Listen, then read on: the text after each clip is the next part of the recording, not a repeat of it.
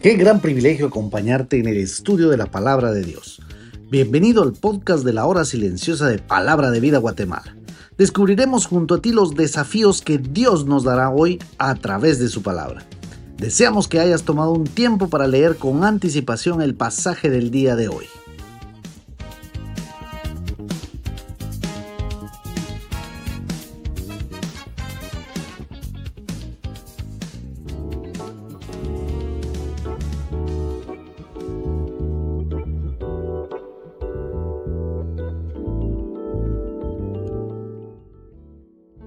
Estoy seguro que el Señor te ha estado bendiciendo mucho en este tiempo. El día de hoy, viernes, nuestra meditación se encuentra nuevamente en el Evangelio según San Marcos, en el capítulo 5 del versículo 1 hasta el 10.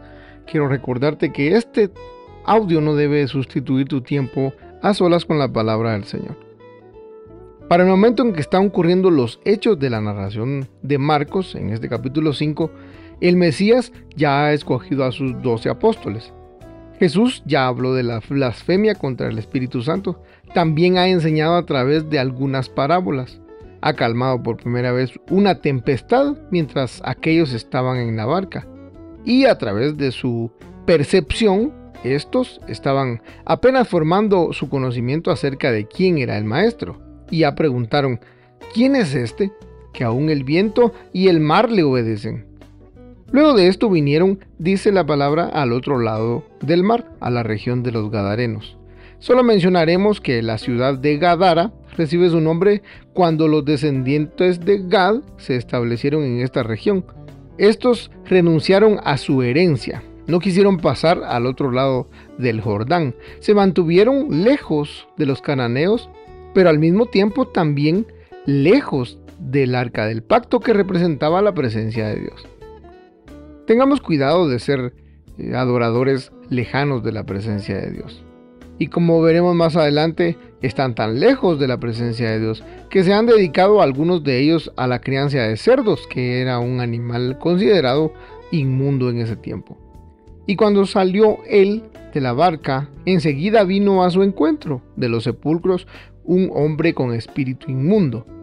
Es interesante que el narrador anticipa que este es un hombre, y luego habla de su condición de endemoniado.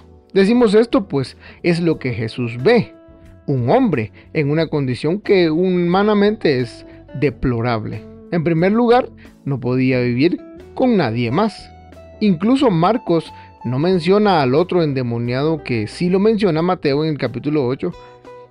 Su situación era tan infame que vivía entre las tumbas. Cuando intentaron algunos atarlo con cadenas y grilletes, la escritura dice que había hecho pedazos los grilletes y había destrozado la cadena y prácticamente nadie lo podía dominar. Siempre de día y de noche, dice, daba voces. Otras versiones dice que gritaba como aullando. No es que hablara precisamente. Y dice también que se lastimaba a sí mismo con piedras con filo. Era una condición mala, esto debe hacernos recordar nuestra condición antes de nuestra nueva vida en Cristo. Buscábamos el pecado con intención y aunque nos dañábamos a nosotros mismos, sin embargo, gracias a Dios, hoy somos nuevas criaturas. Cuando vio pues a Jesús de lejos, corrió y se arrodilló ante él. Esta es la reacción lógica que también debería ocurrir el día de hoy como entonces cayó de rodillas y gritó, ¿Qué tienes conmigo, Jesús, Hijo del Altísimo? Aún hoy hay una discusión no tan pequeña acerca de esta expresión, que si fue dicha por la humanidad de aquel o si fue por las fuerzas oscuras que lo habitaban. Bueno, decimos que independientemente de esto, la deidad descubierta por este es lo que interesa. El reconocimiento de su autoridad, de su naturaleza divina. Te conjuro por Dios que no me atormentes. Mejor entendido en otras versiones que dice, en el nombre de Dios, te suplico que no me tortures. Pues ya Jesús le había dicho, sal de este hombre espíritu inmundo. Prestemos atención aquí. Jesús solamente está validando con este milagro, o mejor diremos con esta señal, Él está validando y confirmando la profecía mesiánica que se cumple únicamente a través de Jesús el Cristo, el Mesías. Eh, Jesús está ratificando su deidad y ministerio a través de esta y las otras señales. El Cristo no está estableciendo una práctica litúrgica, ni una doctrina, ni un procedimiento a seguir o un manual de qué debemos hacer en caso de una posición demoníaca. Consideremos más bien, como dijimos, la confirmación de su deidad, aquella que Juan el Bautista envía a preguntar, ¿eres tú el Cristo que había de venir? O mejor esperamos a otro y no nos hacemos ilusiones contigo. Y la respuesta de Jesús fue, Cuéntenle a Juanito lo que han visto. Los ojos son abiertos, los sordos oyen, los cojos caminan. Repetimos que Jesús no está estableciendo un método o no está escribiendo el manual y continúa diciendo, ¿cómo te llamas? Y respondió, Legión me llamo, porque somos muchos. Consideremos que según estudiosos, una legión romana bien agrupaba entre unos 4.200 y unos 6.000 soldados. Repetimos que no se establece un procedimiento de cómo actuar ante una posición demoníaca.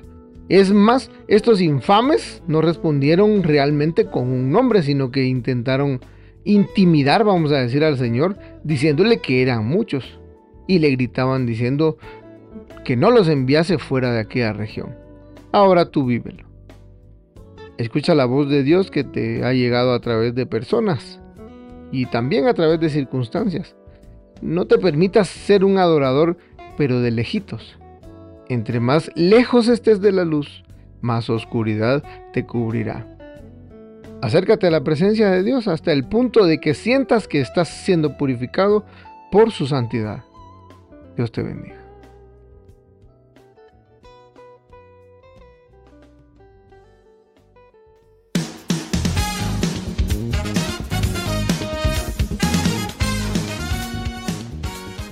Es emocionante saber los tesoros que Dios tiene en su palabra para nosotros.